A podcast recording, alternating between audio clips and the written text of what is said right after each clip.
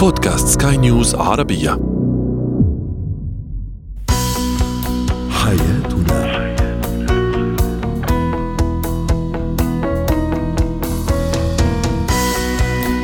مستمعينا الكرام أهلا بكم معنا إلى برنامج حياتنا برنامجكم اليومي الذي يعنى بشؤون الأسرة وباقي الشؤون الحياتية الأخرى والذي يمكنكم الاستماع إليه عبر منصة Sky News Arabia dot com slash podcast وباقي منصات البودكاست الأخرى. معي أنا آمال شاب. نتحدث اليوم عن الزوج الفوضوي كيفية التعامل معه؟ ثم عن تصرفات قد تسيء العلاقة بين الأهل والأبناء وأخيرا اتكات حضور وتقديم واجب العزاء. هو وهي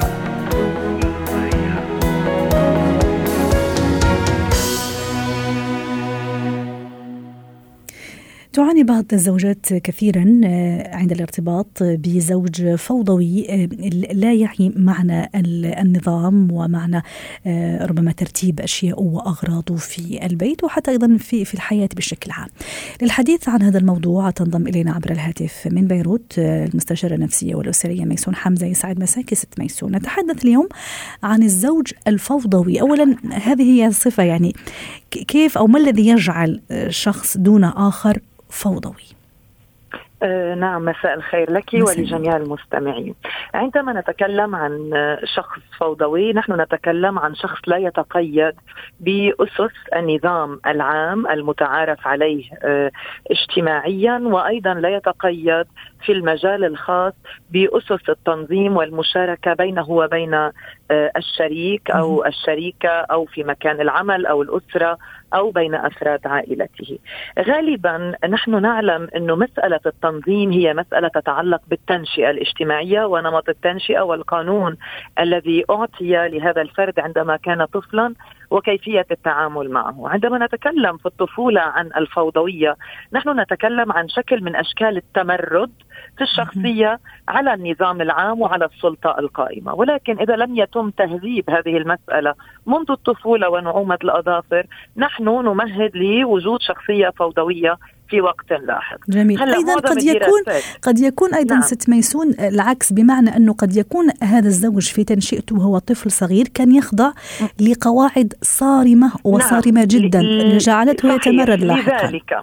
لذلك هو تمرد. صحيح جميل. هو تمرد على السلطة والنظام. نحن لا نعلم ما هو شكل هذا النظام الذي تعرض له ولكن دائما نشير أن الفوضوية تعود للتمرد على السلطة والنظام القائم.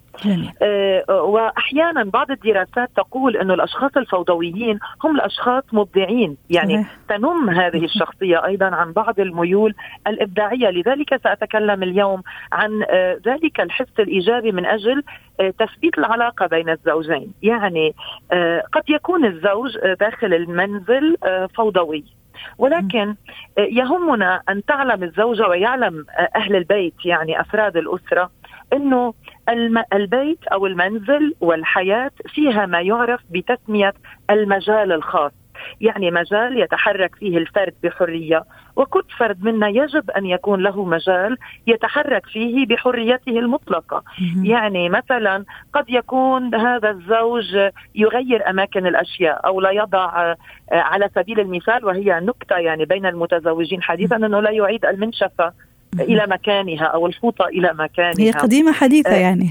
نعم نعم وهي دائما موجودة بين المتزوجين واحيانا أيضا الزوجات مثلا تشتكي أو بعض الزوجات يعني من ربما يعني اغراضه ما يرجعها لمكانها صحيح لما ثيابه أيضا مرمية في كل مكان على الكنبة على السرير صحيح. وما إلى ذلك. وهنا م. وهنا أيضا نعول على أمر آخر يتعلق بطبيعة الثقافة إذا كان المجتمع ذكوري يعني يعطي صلاحيات لتربية الصبي بشكل مختلف عن الفتاة إنه شؤون المنزل واهتمامات المنزل هي من شأن الأنثى وندرب الفتاة على أن تهتم بمنزلها طيب. لذلك قد تترافق مع شخصية الزوج الفوضوي شخصية الفتاة الوسواسية يعني التي تتعلق كثيرا بتنظيم الأمور والأشياء طيب الحل ست ميسون أيوة أنا نعم. عندي هذا النوع من من الأزواج أو زوجي فوضوي نعم. في هذا الصفات كيف أتصرف حتى أيضا ما تكون كل يوم يعني مشادات وخناقه على وش الصباح مثلا صحيح. وما إلى ذلك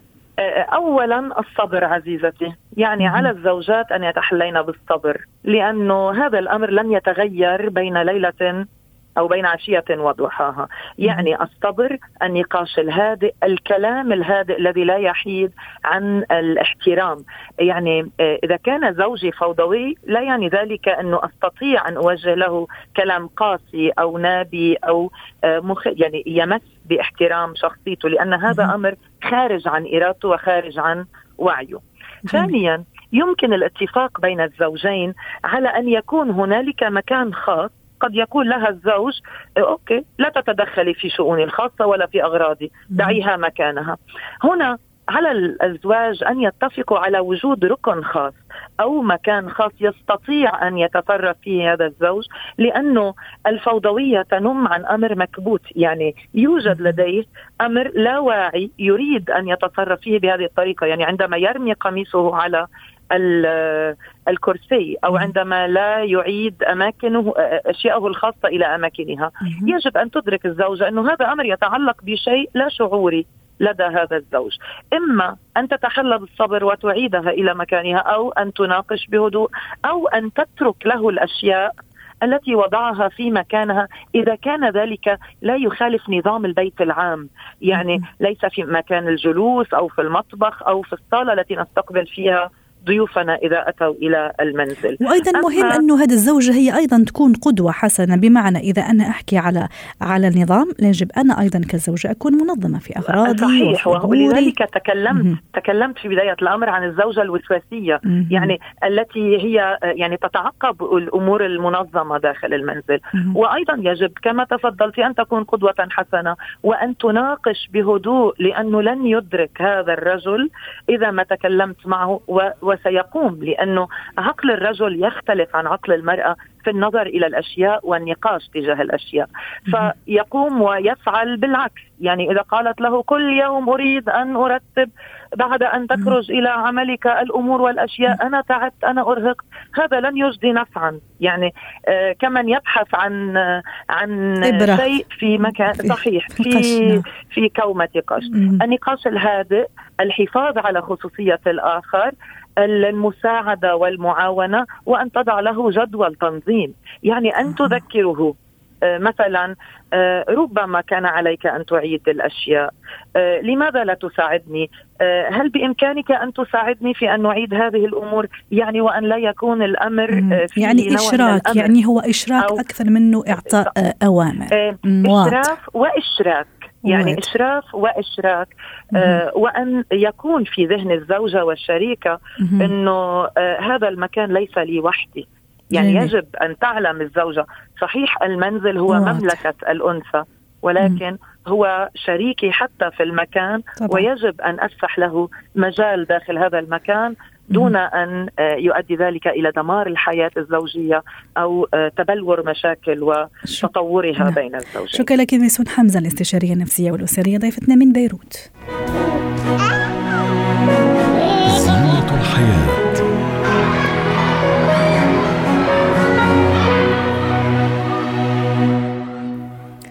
علاقة الطفل بوالدته هي من أهم العلاقات ربما وحتى مع والده أيضا. الكل يحاول الحفاظ على قوة هذه العلاقة الخاصة بين الأهل وأبنائهم لكن أحيانا ثمة بعض التصرفات مني أنا كأم وكأب أيضا تؤثر سلبا على علاقتي بابني. للحديث عن هذا الموضوع تنضم إلينا عبر الهاتف من القاهرة دكتورة أميرة الفيشاوي استشارية تربوية ونفسية. يسعد مساك دكتورة أميرة. ما هي الأشياء التي أقوم بها أنا كأم عن غير قصد أحيانا وكأب أيضا قد تؤذي علاقتي مع طفلي. آه الحقيقة طبعا من أهم الموضوعات اللي إحنا بنتناولها النهارده هي علاقة الوالدين بالطفل آه لأن أحيانا مسؤوليات الحياة بتخلي الأب أو الأم آه على قدر مثلا من العصبية فبينفعلوا عليه. دي أول مشكلة.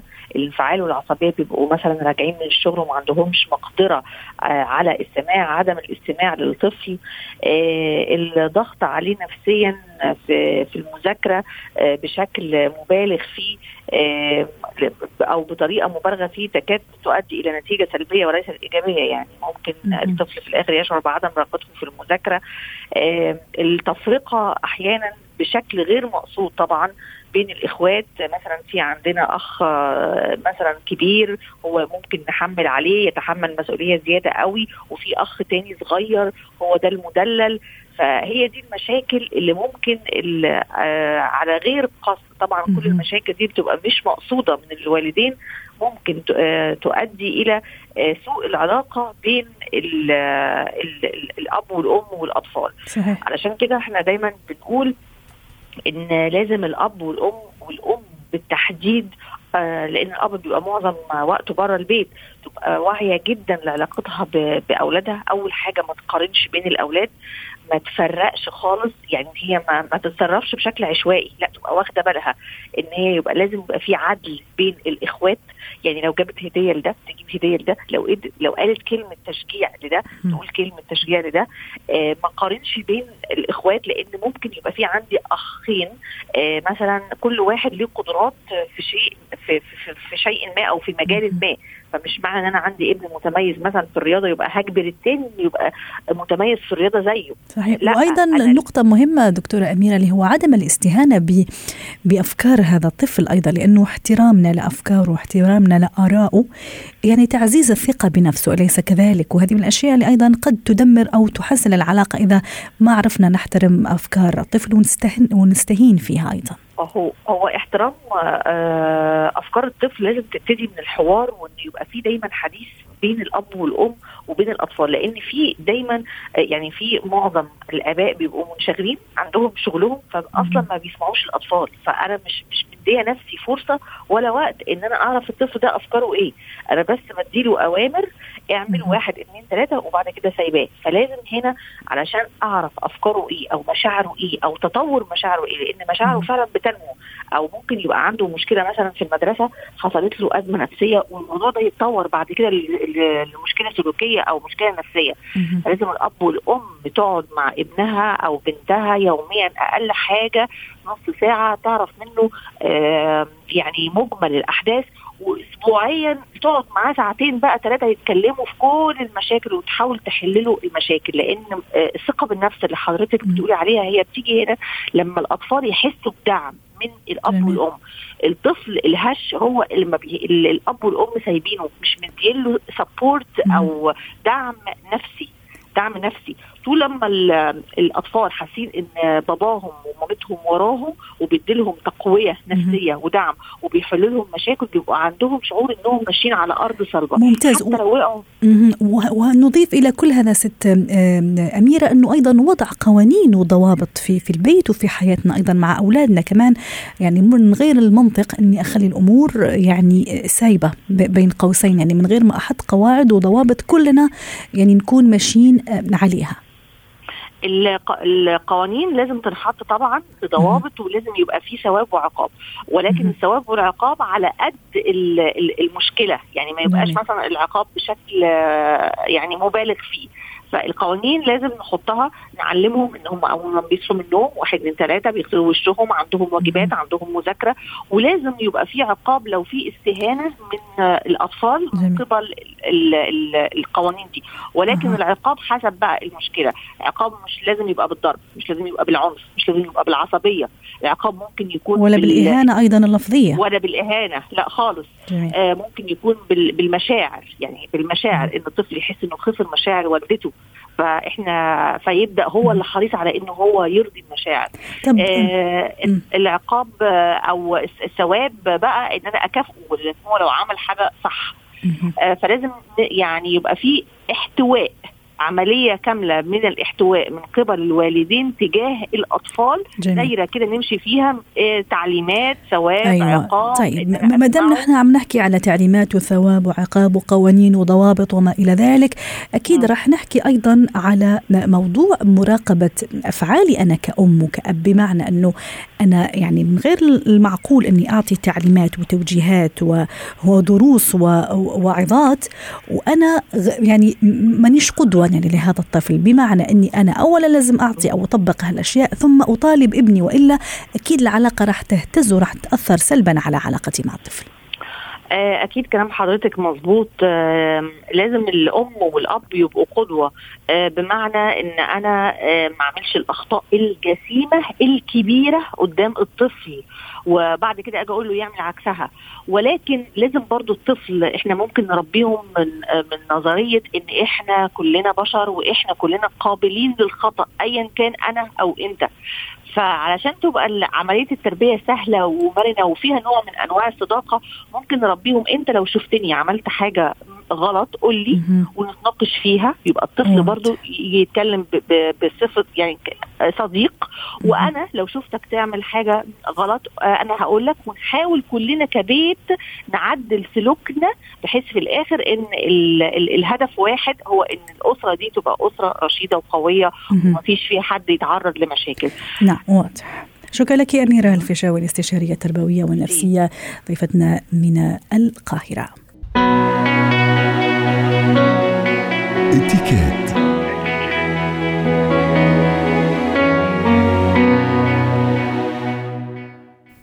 أهلا بكم. نتحدث اليوم عن إتيكيت حضور وتقديم واجب العزاء للحديث عن هذا الموضوع. تنضم إلينا عبر الهاتف من بيروت مارلين سلهب خبيرة الإتيكيت يسعد مساكي ست مارلين ما هي قواعد وأصول تقديم واجب العزاء؟ أه يسعد مساكم و... و... ولازم نعرف إنه بس بهالمناسبة بالذات ما لازم اللياقة ابدا تغفل عنا لأنه ما لازم حتى تتغير آه وما لازم يعني نحن ما نكترس لها يعني آه أهم شيء طب خلينا نبتدي مثلا خطوة بخطوة ست نعم. مرلان قدامنا أيوة. خمس دقائق نبتدي. مثلا بالمظهر المظهر أول شيء لعند لاهل الفقيد من الأفضل يكون في تيار. إن كان بنطلون ولا كان تنورة ولا فستان الأفضل يكون في جاكيت فوق الثياب حتى لو أيام صيفية هيدي الأفضل والأرتب. هلأ بدنا نبتعد أكيد عن الأقمشة. أهم شيء نبتعد عن الأقمشة الشفافة حتى لو هي دارجة. نحن مش مسموح نلبس قصير ونقعد نظبط بتنورتنا كل الوقت. حتى للي جايين يعزوا من الأفضل إنه يكون طول اللباس محتشم بهيك ظروف. طيب. هلأ بما يخص أهل الفقيد المكياج من الأفضل ما يكون موجود اطلاقا. إذا ممكن الشعر أكيد يكون مرتب ونظيف ومعمول بس إذا فينا نشيله عن وشنا شوي. ما ضروري كلنا نربط شعرنا بس يكون زايح عن الوش والاهم والاهم أهم شيء ما نعرض نحن مجوهراتنا بهيك مناسبة. يمكن حاطين ساعة حاطين حلق صغير خاتم بس مش أكثر من هيك. هيدي يعني مناسبة حزينة مش نحن لنعرض أبدا طيب. اللي موجود عنا بالبيت. طب وصلنا لمكان العزاء وعند عائلة الفقيد. أيضا ما هي أصول الطريقة اللي أتصرف فيها أنا ست مارلين أول شغلة إذا نحن أصحاب من الأفضل إنه نحن نتواجد من بدي من أول المناسبة. إذا نحن أصحاب. هلأ آه، إذا لقينا إنه ما لنا دور لأنه مثلا العيلة كثيره والعيلة مجموعة وما في إلنا نحن دور مش ضروري نقعد كل النهار. إذا نحن بس جايين لنعزي أنا بنصح كل ست وكل شخص لما بفوتوا على الصالة تبع العزاء يقفوا لحظة على الباب يتطلعوا لوين؟ هن رح يتوجهوا. على مين هن رح يسلموا؟ لأنه نحن بنعرف بهيك مناسبة كله لابس أسود كله لابس ما رح ننتبه. يعني رح نصفي نحن ضايعين. بنوقف نتطلع بنشوف وين نحن وبنروح دغري عند الأشخاص. حتى لما بدنا نترك إذا لقينا في كتير عجقة مش ضروري نرجع نمر على كل الموجودين. حسب العزاء الموجودين فيه. آه، طريقة المصافحة ست مارلين هل يفضل نعم. أنه تكون مصافحة أو يكون عناق مثلا ونحن عم نعزي الشخص أيضا موضوع الموبايل أو التليفون أحيانا ممكن نعم. نحن موجودين نعم. ونلعب في التليفون نرد نعم. على مكالمة وما إلى ذلك ووقتنا كثير نعم. ضيق للأسف ست مارلين نعم. نحاول نختصر لا جوستما إذا إذا نحن أصحاب العزاء مجبورين أوقات يكون التليفون جنبنا لأنه أوقات كثير عندنا ناس يمكن هن برات البلاد صحيح. يعني بس ما بنقعد نحن أكيد على التليفون بس إنه مجبور يكون معنا. أما إذا نحن رايحين لنعزي ولا بأي شكل من الأشكال لازم الموبايل يكون معنا. بدي ألفت نظر عن النظارات لأنه صارت دارجه بكل العزوات. عيب عيب عيب ما نتطلع بالأشخاص عين بعين. مش مفروض لو أنا مين ما كنت وقد ما أكون أنا مشهور النظارات مش مفروض تكون موجودة نظارات الشمسيه يعني عم نحكي. أيوة. هلأ ولما بنقعد بعض الأحاديث من من الأفضل ما نحكي ما نسأل مثلا عن اللحظات أيوة. الأخيرة أو السبب الوفاة. نعم نعم. جميل. إلا إذا هو الشخص حكي هيدي بتصير غير غير غير شكل. يعني إذا هو حابب يحكي أكيد نحن بدنا نواسيه. بس ما نحن بنسأل سؤالات ولا نحن بنفتح أحاديث عن أمور نحن حصلت معنا. أنا لما كذا ولا ابدا. هول نحن رايحين لنعزل الشخص لنواسيه. صحيح. ولا حتى أمور ممكن أيضا تستدعي الضحك أو ممكن أحيانا القهقهات أو أشياء خارجة. عن عن نطاق المناسبة.